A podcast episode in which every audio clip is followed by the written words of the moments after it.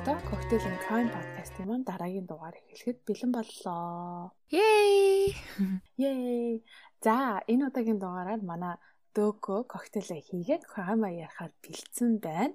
Тэгээд мэдээж дугаартаа орохоос өмнө хэлдэг сануулга хэлье. Манай подкаст нь басан гимт хэргийн тухай детальчилж ярьдаг учраас ямарваа нэгэн зүйлээс айдаг зүрх судасны өвчтэй болон жирэмсэн эмэгтэйчүүдийг битгий сонсоорой гэж зөвлөдөг байгаа шүү. Тэгээд зөвлөмжийг тоохгүй цаашаа сонсох юм бол араа өөртөө даадаг байгаа шүү гэж. За тэгээ өнөөдөр ямар коктейл хийсэн байна? Коктейлээсээ эхлэе дадаг. За тэгээ А өнөөдрийн дугаар яг цацагдах өдөр болохоор дулмаа хэтэр хоорондоо ярилцаад тохирсон байгаа. Аа цагаан сар бол өнгөрч байна. Тэгэхээр угаасаа цагаан сараар коктейл хийж уун гэж байх уу, айргаа уцгах байх. Дараагийн дугаар болохоор яг Валентины үеэр таарж байгаа тий. Дунд нь харин одоо энэ дугаартаа Valentine Day буюу одоо одоо Валентины өмнөх өдрийг найзуудын эмэгтэй найзуудын баяр гэж тэмдэглэдэг. Тэгээд тэрэнд зариулаад ийм хөөрхөн эмхтэлэг гэхгүй юу ийм ягаан коктейл олж хийлээ. Миний хийсэн коктейлний нэр нь болохоор Clover Club Cocktail гэдэг юм байна. Тэгээд энд нь Мм энд нь болохоор gin, grenadine болон лимоны шүүс тэгээд өндөгний цагаан гих зэрэг ордог. Тэгээд яг коктейлийг хэрхэн яаж хийх тухай Instagram болон Facebook-ийн постн дээрээ дэлгэрэнгүй оруулчих. Тэгээд таад маань хийгээд туршиж үзээд гоё октоудаараа Valentine's Day тэмдэглэх юм бол хийгээд үзээрэй. За 21-ээс дээш насныхан нас хүүс харгалзахгүй бүгдээрээ ууж болно шүү гэсэн. Аа. Амар октод л ганцхан уугаараа гэд хэлсэн нөө. Тий, харин тэглээ. Манай эдгтээ сонсогч нарыг яаж байгаа юм чи. Харин тий. Нөгөө Valentine's Day гэдэг анханасаа ярьсан болохоор тэрэндээ уягдаал зүгээр огтууд огтууд л гэдэг. Гэтэ Valentine's Day чинь бас зүгээр гэгийн ганц би гэл ойлгочих болох юм биш тий. Зүгээр заавал girls гэхгүйгээр тий. Зүгээр л ганц би хүмүүсийн тэмдэглэх өдрөө. Энэ жилийн цагаан сараар хэр их хүмүүс хүнтэй сууж ийнү гэж асуув да. Манай өнг ижил сингл найзуудаа гэсэн. Комент хийсэгт бичээрэй гэж харин тий. Зовлон гэж ойлгож байгаа шүү. Хамтдаа шүү. Гэтэ ямар амар гоё өнгөтэй коктейл хийж гисэн дөгөөдөө баярлаа. Би бүр өнгөнд нь ингээд уусчлаа амар гоё юм зөөлөн ягаан өнгөтэй тий. Аа. Чихэр чимшээг харахаар гоё харагдаж байна. Тэгээ маш их баярлаа. За зүгээрээ. Хэлхийн оронд бүр загнаад нас. За за тэгээд сонирхолтой коктейл хийж өгсөн докудо маш баярлаа. Одоо шууд хэрэгтэй орё да. Юу ярих гад байна бас. Би бас нэг тандаж үзсэн. Ямар хэрэг ярих гад байна, яах гад байна гэсэн чинь аа чанга юм болж байна л гэсэн одоо тэгээд сонсъё доо. За тэгээ хэрэгтэй орохоос өмнө бас нэг юм хэлэхгүй болвол би өнөөдөр нөгөө шүднийхээ эмч дээр очисан. Уул нь надад мэдээ алдуулах тариа хийн гэж бодоагүй. Тэгсэн чи хийчихсэн. Тэгээд одоо хүртэл би ингээд зүүн хацрынхаа мэдээг орохыг хүлээгээ байж аахгүй. Тэгээд хэрвээ ингээд жоо хилээ жажилж ярих ч юм уу ер нь хилний бэрхшээл гар гарсан байвал намайг бас уучлаарай. Энэ мэдээг нь орохыг бас хүлээж хоёр нэлийн хойшлууллаа. Тэгээд үүнээс цааш хойшлогдохгүй нэ бүх юм амжихаа болоод тэгээд ингээд юу твдэд сууж ийн. Тэгээд хил хамаа зайчлаад ивэл уучлалны зээ гэж ойлгоорой. За хэрэгтэй оръё. А өнөөдөр болохоор бид хоёр одоо хөвчлэн Америкийн нэгэн улсад болсон хэрэг ярьдаг бол энэ удаа Англи улс руу явах нэ. За Англид болсон хэргийн тухай ярихаар бэлтжихэд сууж гин. А Frederick West гэдэг нэртэй эрэгтэй 1941 оны 9 сарын 29-нд Herefordshire-д нэг жижигхэн тосгонд төрж өссөн. Аав ээж хоёр нь болохоор нийтдээ 8 хүүхэдтэй байсан боловч харамсалтай нь хоёр нь нас ороод тэгээд ингээ ерөөдөө 6 хүүхэдтэйгээ аав ээжтэй ингээ өссөн юм бэлээ. Фред дээрээсээ хоёр дахь хүүхэд нь тэгээд ээжийнхээ бол хамгийн хайртай хүүхэд нь байсан гэж хүн бүхэн ярьдаг. Одоо нэг үгээр хэлбэл Mama's boy гэж нэрлэдэг штэ тий. Тим хүү байсан. Тэгэд яагаад одоо ээжийн ийм хайртай хүүг ярих гад сууж ин вэ? Яг юу болчихвоо гэхээр ээж аав хоёр нь хоёлаа нэг тийм гаж бүр ийм аимшиг хүмүүс байсан. Аавыг нь болохоор Walter гэдэг нэртэй фермд ажилладаг тавчгандаа бол малчин хүн байсан. яг уу хичнээн ажилдаа сайн шаргуу хөдөлмөрч хүн байсан ч гэсэндээ хар багасаа хулгай хийчихсэн хулгайч тэгээд хүчирхийлэгч мөн амьтантай бэлгийн харилцаанд ордог нэг юм амир хүн байсан. Тэгээ Фред болон одоо бусад хүүхдүүдийнхаа нүдэн дээр нь хүртэл хүн хүчиндчээс удаатай. Хүүхдүүдтэй ер нь бол баригдахгүй л байх юм бол та нар юу ч хийж болно гэсэн нэг тийм сонин номлолч юм уу юм заадаг. Тэгээд нөгөө хүүхдүүдийнхээ нүдэн дээр хүн хүчин тэнцээсээ удаатай гэж хэлсэн шүү дээ. Тэгээд тэр тухайгаа болохоор ингэж ярьд юм лээ. Одоо чамд хэрвээ хүүгэн хүчиндэх те хүчрхийлэх тийм боломж олдж байхад хэрвээ чи тэр боломжийг ашиглаж чадахгүй өнгөрөх юм бол чи бол амар тийм лузер те чи бол юм азгүй амтан гэсэн утгатай юм бас зааж сургадаг байсан. Волтер Фредийн ээжтэй суухаасаа өмнө бас нэг хүнтэй суусан байсан одоо өмнөх ихнэр нь гэсэн үг шүү дээ. Тэр өмнөх ихнэр нь амтантай бэлгийн харилцаанд ордог байсан.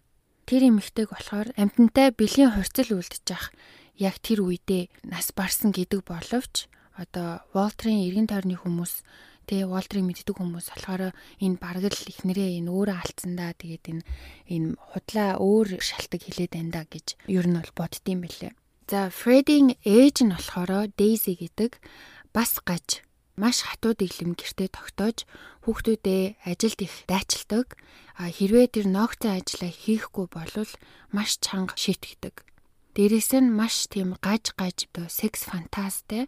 Тэгээд нөгөө Фред болохоор ээжийнхээ хамгийн хайртай хүн байсан гэсэн штэ. Тэр нь магадгүй тэр хоёр одоо хоорондоо бэлгийн харилцаатай байсантай холбоотой байх. Фредийг бүр 12 настай байхад нь анх ээж нь өрөөндөө дуудаж оруулж агаад хүчрхийлж анх удаа Фред бэлгийн харилцаанд орж исэн. Тэгээ Фред болохоор бас багасаа л амтантай бэлгийн харилцаанд ордог байсан. Тэгэд нэг удаа аав ээж хоёр нь Фредийн нөгөө бэлгийн харилцаанд ордог байсан гахаагийн бүх хүүхдүүдийнхээ нүдэн дээр алж исэн удаатай. Тэг яг тэр үеэс хойш ер нь бол Фред амтан алж маш их таашаал авч ан их хийдэг болсон гэж ярьжсэн багасаа юм одоо гаж гаж зүйлс дунд өссөн учраас одоо энэ бүхнийг зүгээр нормал хүн болгоны амьдралд байдаг гэж тэ одоо эцэг их нь хүүхдтэйгээ бэлгийн харилцаанд орох нь хэвийн зүйл гэж бодож өссөн. Фред хичээлдээ маш муу, IQ багтай, шин юм сурахтаа маш удаан ийм хүүхэд байсан. 14 настай байхдаа сургуулаа хайж одоо хар бор ажил хийж эхэлсэн. Тэгээд 14 настай хүүхдгээр чи ууг нь одоо 6 дугаар ангийн хүүхэд байгаа штэ. Тэгэхэд сургуулиасаа гарахдаа бараг л уншиж бичиж сураагүй шахуу хүүхэд байсан гэсэн. Тэгэхээр ер нь хэр их удаашралтай юм сурдаг байсан гэдэг нь харагдаж байгаа ах. За тэгээ ер нь яриад байвал одоо Фредийн баг нас ч гэлтгүү ер нь өсвөр насны хүртэл маш их гэмт хэрэг болон одоо юм гаж зүйлсээр дүүрэн өнгөрсөн юм байна лээ үеийнхээ болон өөрөөсөө нилээн дүү охтуудыг айгүй тийм хамаа замбраагүй биеинд нь хурж өөртөө унтахыг хүсдэг байсан тийм айгүй донтой хүүхдээсэн. Энэ бүх гимтэл, энэ бүх хүчирхийлэл, энэ бүх зүйл нь одоо дутсан юм шиг ядчихад 17 настайдаа мотоциклны осолд ороод толгойдоо бас маш хүнд гимтэл авч исэн. Тэр ослоос болж 7 хоног ухаангүй эмнэлэгт хөвцөн бөгөөд тэр гимтлээсээ хойш ер нь бол бүр эрс зам байдлын хувьд өөрчлөлт орсон гэж иргэн тойрных нь хүмүүс ярьдаг. Илүү ихээр худлаа ярьж, хулгай хийж, ер нь бүх юм нь ингээд эрс дорцсон гэсэн.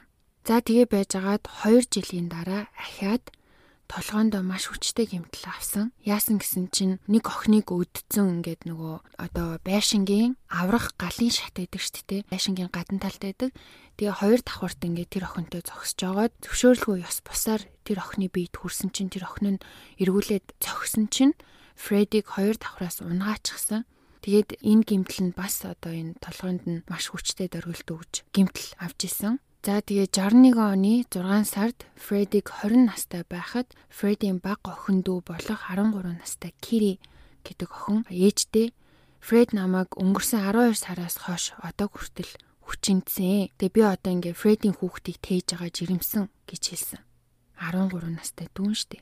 Тэгээ тэр сарда Фред баривчлагдсан. Тэгээ нөгөө багасаа гаж зүйлсийг нормал гэж боддог гэж хэлж исэн штэ тий. Тэр нь юун дээр маш тодорхой харагдсан гэхээр Фред тухайн үед нөгөө баривчлагдчихад төрсөн дүгээ хүчиндэж жирэмсэн бодлосноо хүлээн зөвшөөрснөөс гадна цагдаа нарт ингэж хэлсэн байгаа байхгүй юу? Би багасаа л угаасаа ингээ залуу охтуудыг хүчрхийлдэг гэсэн штэ. Хүн болгон л тэгдэг үсттэй гэж хэлсэн гэсэн ямар ч юм томжиргүйгээр.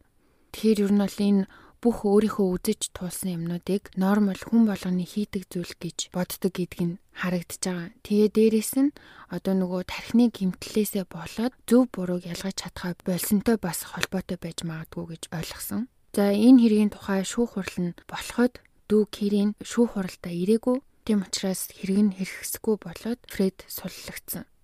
Фредийн ээж нь өөрөө амар гаж одоо хүүхдээ бүр хар багаас нь хүчрхийлдэг аратан бэжиж Фредийн хийсэн энэ хэрэгээс болж Фредийг жигшээд гэрээсээ хөөсөн байдаг. А гэхдээ яг хэсэг хугацааны дараа тэгээд буцаад гэртээ очсон.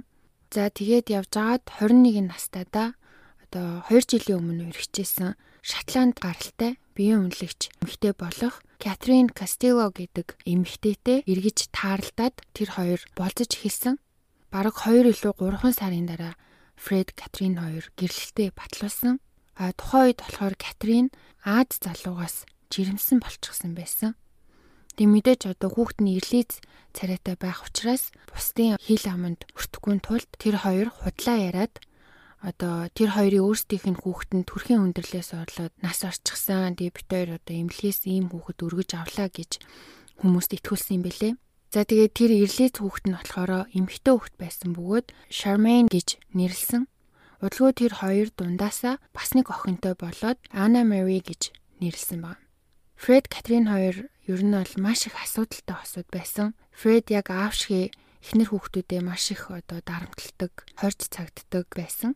Тэгээд бүр болоогүй одоо Фред хоёр хүүхдээ давхар орны доод орон дээр нь хаалт хийгээд орхичдаг. Бүр ингээ амтэн шиг Тэгээ тэндээсээ болохоор хөөрхийн охтууд нөгөө Фредийг ажилдаа явсан хогоор л гарах боломжтой байсан.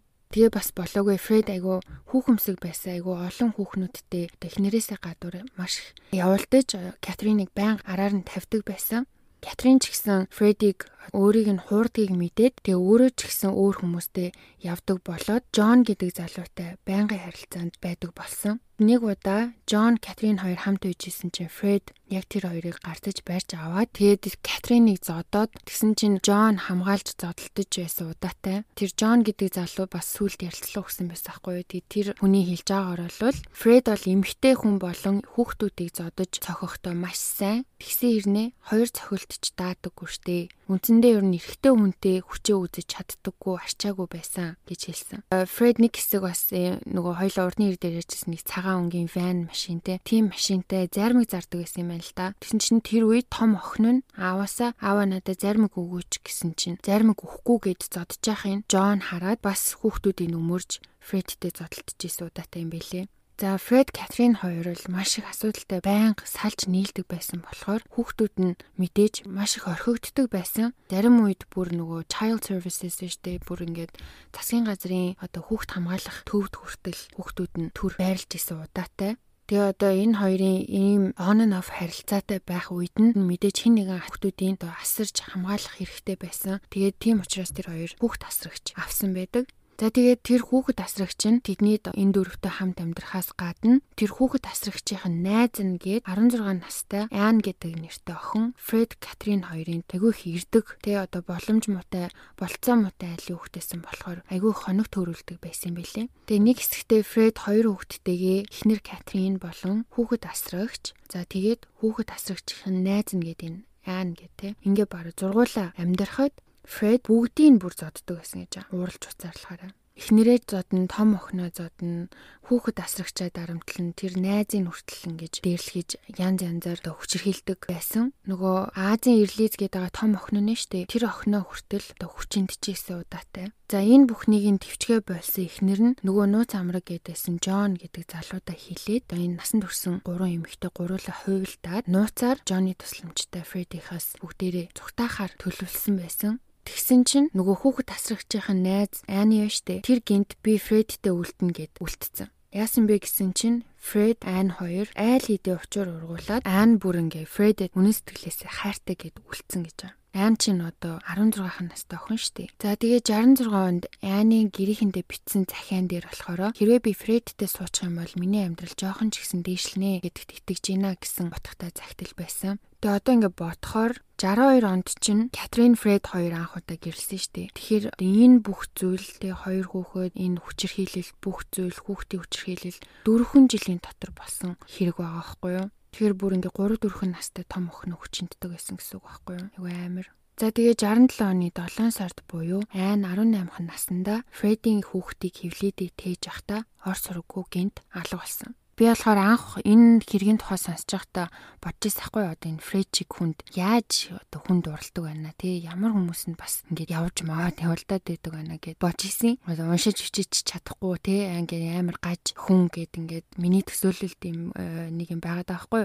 Тэгээ хүмүүсийн ярилцлаганаас сонсохоор Фредийн гэр бүлийнхнийх нь нөгөө заван харилцааг нөх хүмүүс угаасаа мэдхгүй Тэгээд ийм хар бор ажил хийдэг болохоор үгүй уншиж бичиж чадахгүй гэдэг нь их мэдэгддэг. А тэгээд хүмүүстэй амар найрсаг байдаг, айгүй хөвгөлтэй. Тэгээд ийм айгүй харизмтай, айгүй charmingтэй сэтгэл татам залуу байсан гэж аахгүй юу? Одоо нийгмийн харилцаанд бол тийм гаж, сонин энэ төр гэж огт мэдэгддэг. Айгүй шургуу ажилдаг, тэг хөдөлмөрч гэр бүлээд ижих гээд ингэ явж байгаа хоёроо хоёр хүүхэдтэй нэг бүр одоо хүүхэд өргөж авч мавцсан тий. Яриагаар нь штэ. Ийм залуу байсан. Тэр хүмүүсийн Фредиг төсөөлж ярьж байгааг сонсхолоор хүмүүс Тед Бандигийн хэрэг дээр Тед Бандиг нөө таньдаг хүмүүс амар төсөөлж ярьж байсан шүү дээ. Тэрэн шиг айгүй хоёр нүртэй гар энда гэж ойлгосон. Гэтэ мэдээж бас нөө арайч Тед Бандигийн төвшөнд тийм цэмцгэр биш жоохон доо хувийн ариун цэвэр нь жоохон муутай. Тэрийг нь болохоор одоо хүмүүс янз бүрийн ажил хийгээд явдаг болохоор нь тэрийг их тоодгүй гэх юм уу? Нэг тийм тэрэнд нь ач холбогдол ач холбогдол өгдөг маш юм мундаг л залуул ингэж харагддаг байсан юм байна. За тэгээд 69 онд буюу одоо жирэмсэн айн алга болоод 2хан жилийн дараа Rose гэдэг нэртэй 15 настай охинтой Fred автобусны буудлын дээр танилцсан. Анхандаа бол Rose ерөөсөө нүүр өгөөгүй юм билээ. Болзоонд хэд хэдэн удаа урьсан боловч зөвшөөрөөгүй. Харин нэг удаа гэрлүү нь хамт алхаад хүргээд гэхдээ нь Rose зөвшөөрөөд тэр хоёр Rose-ийнх руу алхсан байдаг. Тэгээ ер нь бол тэрнээс хойш бэлэг сэлт барьж гүсээр агаад Rose-тэй үерхэж эхэлсэн ба. Тэгээ тэр хоёр бол маш хурдан тотноссон. Шалтгаан нь болохоор хоёулаа нормал хүмүүс байгаагүй. Rose ч гэсэн Fred-ийг маш хэцүү бэкграундтай охин болж таарсан. А Рози ээж нь болохоор маш хүн хэлбэрийн сэтгэл готралтай учраас ер нь гэрийн юунд ч бараг оролцдоггүй. Өрөөнөөсөө ч цухуудгүй тийм хүн байсан. Тийм болохоор мэдээж одоо эцэгхийн хайр халамжаа Rose ааваасаа л авах гэж хичээдэг байсан. Тэгээ аав нь гэсэн чинь бас нэг гаж нөхөр. Охиноо багаас нь бэлгийн хүчээр хийлийдэг байсан нь бүр ингээд нормал болчихсон байсан. Тэгээ Rose ингээ ааваасаа юм гуйх болохоор л биеэ ашигладаг нэг тийм хэрэгсэл чим шиг. Хэрвээ ааваасаа нэг юм гуйх юм бол аавтайгаа унтах ёстой гэсэн нэг тийм ойлголттой болчихсон хүүхдээсэн. Тэгээ тэрийг ерөөсөө гаж зүйл гэж одоо мэддэггүй хөрхийн амтаа. Тэгээд аав нь бас дээрээс нь шизофрен өвчнөд байсан. Шизофреник одоо бол тайлбарлах шаардлагагүй болсон байх гэж бодож байна тий.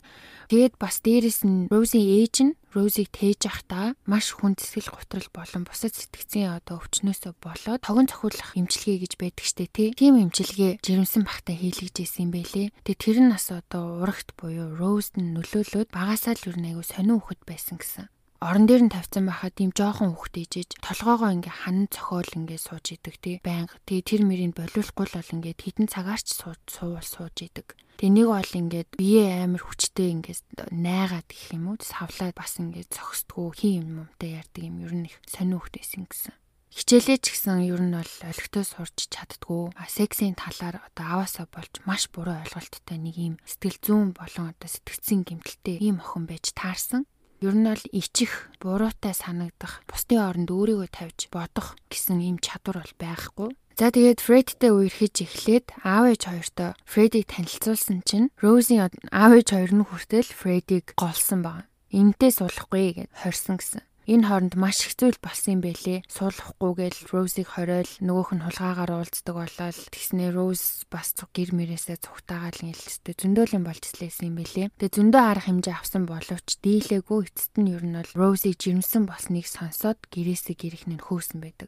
А 1970 оны 10 сарын 17-нд Rose Fred хоёр охинтой болоод Heather гэж нэрлсэн. Heather бол үнэндээ яг хэний хүүхэд гэдэг нь тодорхойгүй бас цуу яриа байдаг.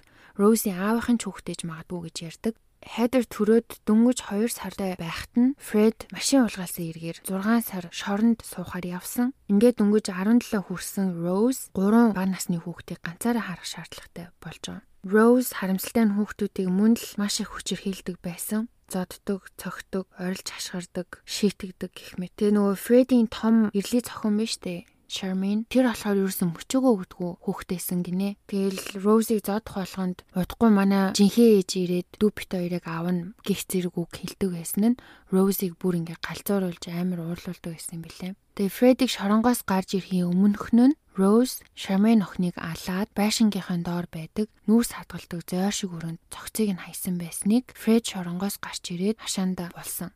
Тэгээ Фред охины Роуз алсныг сонссоод ерөөсөө уурлаагүй, гашуудаагүй. Тэгээ гашуудах байтугай Роузыг булам хайрлаж одоо тэдний хайрын холбоо илүү хүчтэй бэхжсэн мэт сэтгэл төрөөд бүр ингээд soulmate олцсон юм шиг тийм мэдрэмж төрж исэн гэж аахгүй юу. Яагаад тэгэхээр хоёлаа адилхан бэкграундаас гадна одоо ингээ хоёлаа адилхан хүн алах чадвартай юм байна гэдгийг мэдсэн баг. 67 оны 7 сард нөгөө Айн гээд 18 та охин Фредийн хүүхдийг тээж ахтаа Орс руугүй алга болсон дээ. Тэр нь мэдээж Фредийн хийсэн хэрэг болж таарсан. Фред болохоор Аниг алаад мөчлөөд буулсан. А энэ хэрэг болохоор бүр сүулт илэрсэн. Цогцыг олоход хоёр гарын ард нь хүлчихсэн. Мөчилсөн байснаас гадна хид хідэн биенийх нь ясна байгаагүй. Тэгээ хамгийн амар нь нөгөө гизэндэх хүүхдийг нь бас гизнээс нь онгойлгож гаргаж хайсан байлээ. Сүлд мэдсэн учраас цагдаа нар яг л зүгээр ясл олж байгаа юм л та. Тэгсэн чинь одоо хүүхдийн арыг ясыг харсан цагдаа хэлэхдээ тэр хүүхдийн жижигхэн хавирганых нь ясн хүртэл байсан. Яг ийм шүдэнцний мод шиг л жижигхэн гэж хэлж илээ. Айгу амар. За тэгээд 1971 оны 8 сард Катрин гээд нөгөө Фредийн хамгийн анхны эхнэр нь штэ хоёр охиных нь ээж. Тэр хоёр охиноо өөр дээрээ авахаар Фредийн байгаа хот руу яваад Орс сургуу алга болсон. Тэгээ сүулт олж илрүүлэхэд Фред түүнийг боомлж хүчиндэж алаад мөчлөөд бас эн тент болсон байсан. Катрин бол яг хөө би яг дуртахгүй л өнгөрчлөө л дөө. Хоёр охиноо шууд Фредид үлдээгээд явцсан бас хэрэг биш л юм байл. Энэ хоёр нөгөө салж нийлсээр байгаа сүулдээ салахтаа а Фред хоёр охиноо авч үлдсэн ч гэсэндээ Катрин одоо ингээ байн холбоотой үе үе очиж уулзаж эргэж тойрч байсан юм бэлээ. Тэгээ сүулдээ бүр ингээд тэсгэл алдаад ямар ч аргаар хамаагүй одоо хоёр охиноо өөр дээр аавна гэж зориглоод явсан энэ байсан юм бэлээ. Тэгээ харамсалтай нь Фредийн гарт амиа алдсан. За дараа жил нь Rose Fred 2 гэрлэлтэд батлуулаад ахаад нэг охинтой болсон. Хоёр дахь охиноо төрүүлээд удалгүй Rose биеэ үнэлж хэлсэн ба.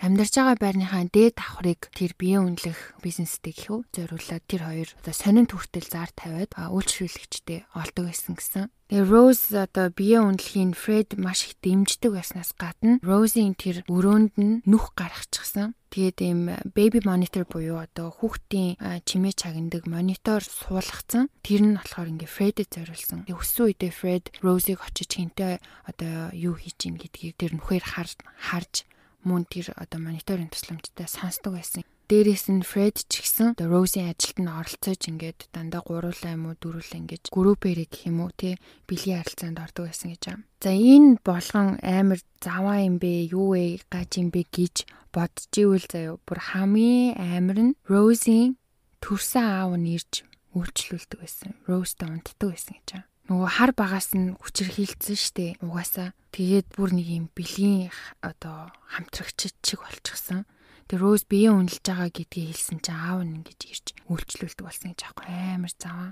Аа Роуз болохоор одоо эргэжтэйч мөн эмэгтэйч хүмүүстэй бэлгийн харилцаанд ордог байсан. Эхэндээ болохоор гайгүй байж байгаа сүултээ ингээд баг багаар янз бүрийн бондэж, фетишүүд болон үйлчлүүлэгчтэй ерөөхдөө өвтгөж, ялангуяа эмэгтэй хүмүүсийг өвтгөж таашаал авдаг болж эхэлсэн амьтантай бэлгийн харилцаанд орж байгаа болон жоох хүүхдүүдийн порн бичлэгнүүд ингэж үзцгээдэг байсан ба.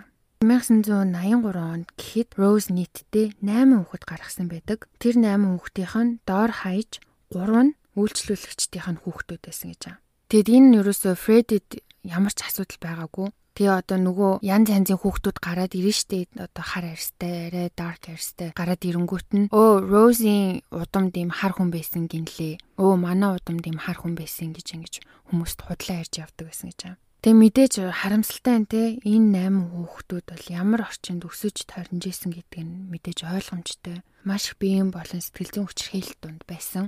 Одоо нөгөө Фредийн хамгийн том охин Ирли зохин байсан нь штэ. Тэр охиныг Роуз алчихсан болохоор одоо хамгийн том нь Анна Мари болчихж байгаа штэ. Тэгээ Анна Мариг бол ялангуяа маш их хүчирхийлдэг байсан гэсэн. 13 нь настайгаас нь эхлээд Аннаг биеийг нь үнэлүүлж эхэлсэн байгаа. 1992 он гэхэд Фред Роузи хоёр нийтдээ 11 хүүхэдтэй болсон. Тухайн үед бол Фред хүүхдүүдээ хүчинтдэг гэсэн цуу яриа тархсан байсан. Тэгээ тэрнээс олж цагдаа нар гэртэн шалгалт хийсэн чинь Рози нөгөө нэг биеэ үнэлж исэн хэргийг олж илрүүлснээс гадна нөгөө амар гаж гаж порн бичлэгнүүд болон бас бус юм секс бичлэгнүүдийг олсон. Тэр дунд нь тэгсэн чинь Фреди хүүхдээ хүчинтж байгаа бичлэг хүртэл байсан гэж байна. За тэгээд энээс болоод улс 5 хүүхдийг нь авч тэр хоёрын асран хамгааллаас улсын хараа хяналтанд чилжүүлсэн. Айгуу сонин. Яагаад 5 хүүхдийг авч явсан? Яагаад бүгдийг авч яваагүй? Тухайн үед бас нэг давхар шалгаж исэн одоо баримт цуглуулж исэн явдал нь болохоор Роузи анхны хүүхэд болох Heather гэдэг охин биш үү?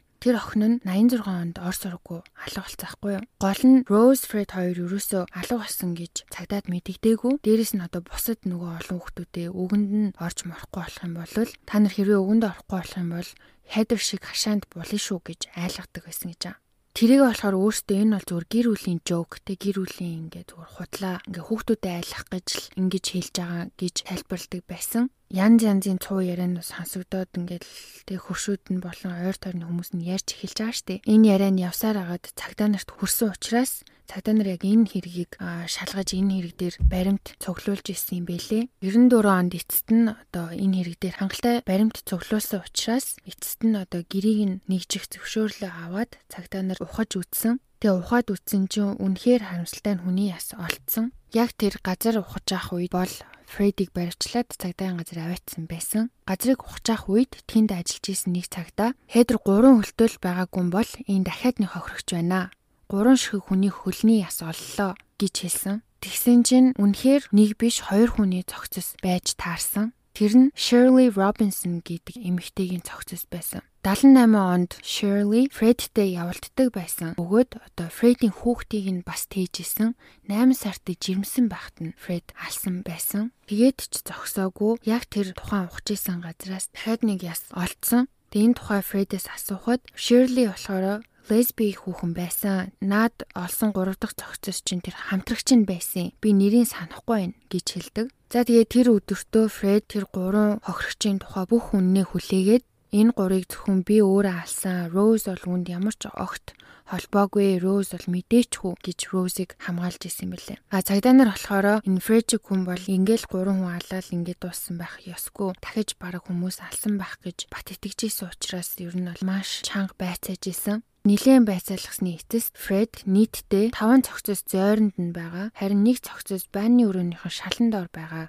гэдгийг хэлдэг. Юун цогцоснууд вэ гэсэн чинь 70-аад онд бүгдээрнгийнх нь амийн хороосон байж таарсан. Хөвчлэн одоо замын унаанд цуух гэж зогсож исэн эсвэл одоо биеэ үнэлдэг хүүхнүүд байсан гэдгийг хэлдэг. Цогцснуудыг шинжилгээд бүгдээрээ мөчлүүлчихсэн бас маш зэрлэгээр хүчндүүлсэн бөгөөд нилээн тарчлааж байгаад алсан болох нь тодорхой болсон. За тэгээ Фред Рози хоёр баривчлагдаад шүүхийн товоо хүлээж авах хооронд Рози ер нь Фредээс бүх холбоогоо таслаад зайгаа барьсан юм бэлээ. Тэр нь болохоор Фредийн уурыг маш их хүргээд Фред бүр ингэ шорон дахтаа депрессэнд орсон гэж хэлээ энэс болоод тэгээ Фред уурандаа анхандаа нөгөө Розиг амар ямар ч буруугүй гэж хамгаалж исэн болвол мэдүүлгээ буцаагаад холбоотой гэж өөрчилж бүх хийсэн зүйлсийг нь илчилсэн. За харамсалтай шүүх хурал болохоос өмнө Фред шоронгийнхоо өрөөнд хоолойгоо боож амиа хорлсон. Розийн шүүх хурал болоод бүх хэрэгт буруутай гэж үтсэн учраас хизээч цагаасаа өмнө суллагдах боломжгүйгээр насаар нь хойрох ял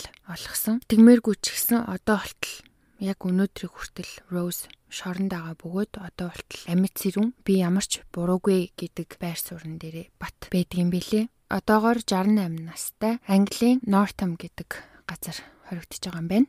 Тэгээ одоо ингээд энэ хүнийг одоо хүртэл амьд гэж ботхоор үнэхээр итгэмээргүй амьд зэрүүн байгаа гэхээр. Йоо наад чи өөрөөсөө амар хэрэг байна. Би энэ хэргийн тухай нэг юм хальт хулд сонсч ийсэн. Гэхдээ бүр ийм амар детальтай, бүр ийм аимшиг бүр юу вэ? Төрсөн охиныг нь хүртэл те хөнөөчөд ах чинь ингээл хамтдаа нийлээд байрныхаа арталт ингээл булж идэг. Бүр 8 сартаа жирэмсэн багт нь ямар амар юм бэ. Тэгээд Энэ хэргийн тухай ингээд бодохоор энэ эхнэр нөхөр хоёр хоёлаа ер нь бол нэг юм юу хэмдэ а би бинийгаа олоод ингээд амар хэрэг хийсэн гэж бодож исэн ч бас ингээд бага насныхын тухайд дуртахад бол бас одоо яагаад ийм амьдралыг сонгосон яагаад ийм сонголт хийхээр болсон гэдгийг нь бол одоо юу хэмдэ not surprised гайх хэрэггүй санагдаа. Аа. Ээж аав нь багаас нь хоёулангийн тий хоёул хоёулангийнх нь ээж аав нь тэгэж амар одоо хүчрхийлдэг байсан. Одоо тэр Рози аав нь хүртэл бүр хүчрхийлсээр агаад ааваасаа юм асуух болгондоо бэлгийн харьцаанд ордог. Аавыгаа бүр тэгэж араалаа сурцсан. Бүр төрсөн эцэг ихээр ерөөсөө толгойд багтахгүй байх, сэтгэлд багтахгүй байх бүр начит ямар балиар детальтай хэрэг вэ? Тэгээ мөн овшчин тэгээд эцсийн эцэд ингээл хүмүүсийг завааж тарчлааж хүчрхийлж хөнөөчөөд өөрөө амиа амиа хорлдог нэрээ ункаго орно шима. Харин тэний балиар ингээд нэг юм миний хамгийн дургүй юмд юм а сая ингээ ярьж байгаа хэлсэн шүү дээ. Эрэгтэй хүний өдөөс дугаарч чаддгүй тий? Хүнтэй эрэгтэй хүнтэй болол зодолдож чадахгүй хэрэлдэж чадахгүй өөдөөс нь юм илж чадахгүй. Тэгсэн мөрчлөө эмэгтэй хүнийг ингэж дээрлэх чам би эмэгтэй хүнийг дээрлэхдээ эрэгтэй хүн биш амар дургу бүр. Ёо Ямар харамсалтай юм бэ харин дургу үрчлээ. Ямар амир цус бүр уур хүргсэн гэж цус буцлагсан хэрэг вэ дөгөө. Манайхан ч гэсэн сонсоод бүр амар бодож байгаа ялгүй бүр ёо. Харин тийм ээ. Тэгээ одоо яг э, хинт бурууч ихийн гэдг нь бас айгүй яг мэдээж энэ хоёрын өөрсдийнх нь буруу л да. Гэхдээ одоо энэ нөгөө нэг төрсөн өссөн орчин эцэг эхүүдийн хүртэл ботхолоор бас хар багаас нь ингээд өсөчхөр бас тий хар багаас нь бэлтчихсэн гэх юм уу одоо юу гэх юм. Харин тэгэхээр эцэг эхт нь гомдолтой гомдморч юм шиг тэгээд эцэг эхийг нь бас цааш нь ухуул бас өөрсдөө ч гэсэн бас тийм юм туулж өссөн байхыг үгүйсэхгүй юм. Тэгэхээр яг бодож л байлаа одных ч одоо юу 11 хүүхэдтэй тий тэгээд энэ хүүхдүүд нь бүгдээрээ одоо амьд зэрүүн Rose гэхэд 68 таа гэдэг чинь хүүхдүүд нь одоо нэг 40 эдтэй ч юм уу хүмүүс байгаа гэсэн үг шүү дээ. Тэгээд ингээ бүгдээрээ шин identity болцсон те бүгдээрээ шин нэр шал өөр одоо төрсөн сар өдөр бүх юмаа өөрчлөөд ингээд хин гэдгээ нуугаад ингээ шинээр амьдарч байгаа. Тэгэхээр удам судрын сайн хармаар гэдэг чинь энэ юм уу гэж бодчихлаа. Айгу амар. Одоо юу гэдгийг сэтгэл зүйн том том өвчнүүдтэй шизофрен байдаг ч юу. Одоо юу ч тийм ер нь бол удамшдаг гэж ярьдаг штеп. Тэгэхээр яг мэдээж энэ хүүхдүүд нь хичнээн багасаа одоо ингээд эцэг эцэг их нь одоо хүчрхийлж исэн ч гэсэн бүгдээрээ одоо энэ хоёр шигээ ийм амар болно гэж юу байх вэ? Тэгтэл ер нь удам судрын маш сайн харж авах ёстой гэдгийг одоо сануулсан хэрэг юм болов гэж бодож байна. Тийм шүү дээ. Хүнтэй суухтаа дээш нь сайн асууж байгаарай гэхгүй. Тийм шүү дээ. Одоо нөгөө хүнтэй суухтаа одоо одоо насныхаа ханыг сонгохдоо удам судраг гэхээр заавал одоо тий а юу гэдэг вэ баян чинэлэг минэдэг тэрийг нь яриаг шүү найзуудаа. Гэр бүлт нь ямар одоо сэтгэл зүйн асуудал ч юм уу тий тийм хүн байдаг байгаа гэдгийг нь шалгахад илүүдэхгүй шүү. Аа.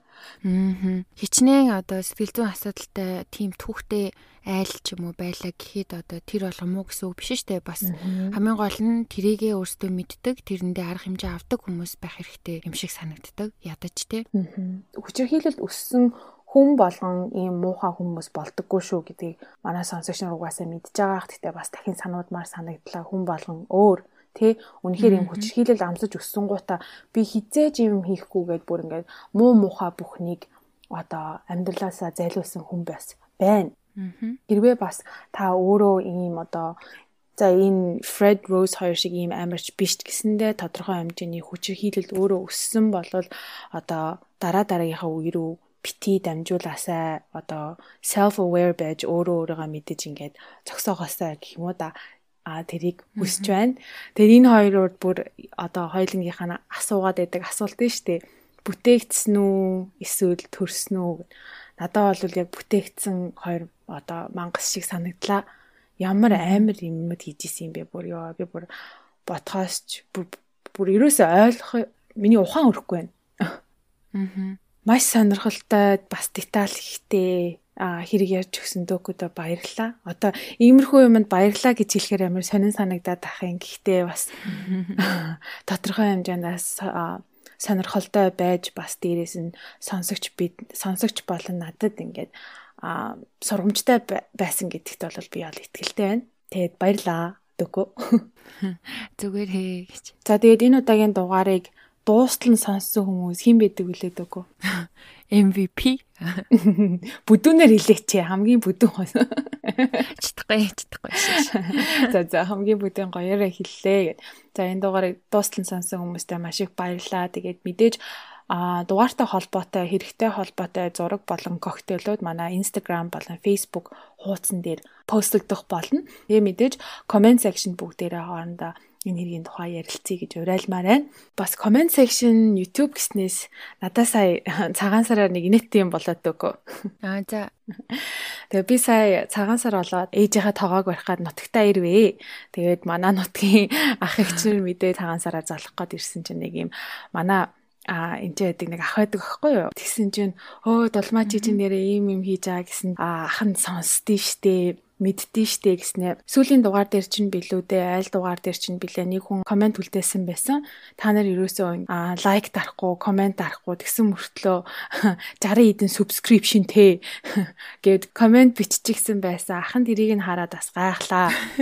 Хүнийрээ эн чинь комент бичээд ингээд бас эрхийн урууга гоцоолгодог юмыг дарах хэвээр байна. Тэгжиж одоо тэ энэ хоёрыгаа бас дэмжих ёстой байна гэдгийг ахын тэр комментээс мэдээд тэгээд нөгөө эрхийн урууга гоцоолгодог юм а дарах гэсэн чинь заавал аккаунт асуугаад байна гэхгүй юу.